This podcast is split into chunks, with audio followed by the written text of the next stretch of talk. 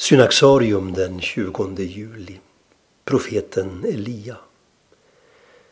Profeten är en person som talar i Guds namn och uppträder som Guds mun för att förmå folket att återvända till sin kärlek och trohet till Gud.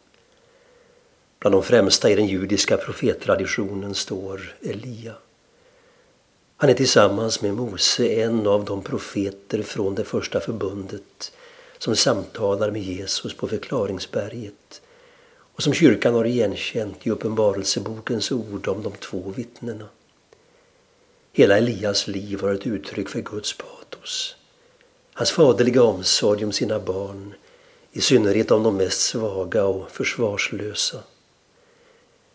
Elia levde på 800-talet före Kristus i en tid av kaos och upplösning.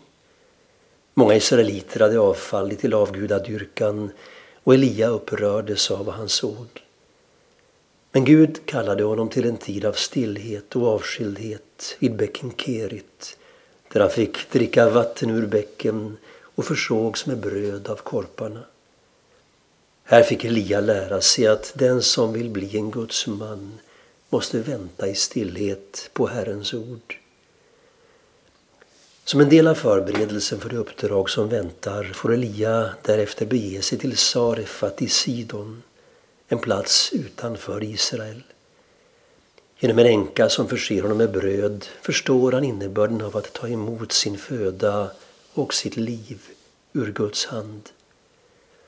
När han sedan återvänder till sitt eget land leder han skarpa kritik av avguderi och orättfärdighet till hans berömda konfrontation med Baalsprofeterna på berget Karmel.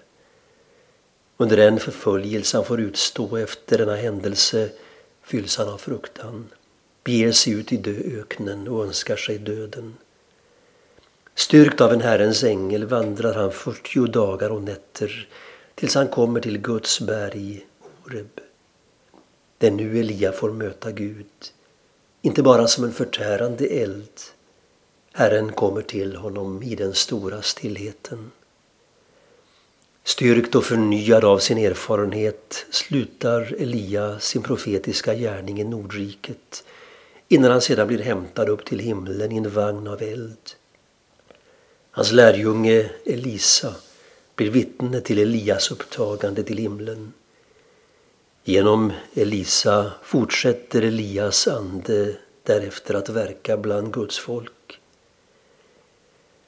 Både judar och kristna har förknippat Messias ankomst med Elias återkomst enligt löftet hos profeten Malaki. Se, jag sänder profeten Elia till er innan Herrens stora och fruktansvärda dag kommer. När Jesus fick frågan om detta förklarade han att Elia redan kommit och syftade då på Johannes döparen.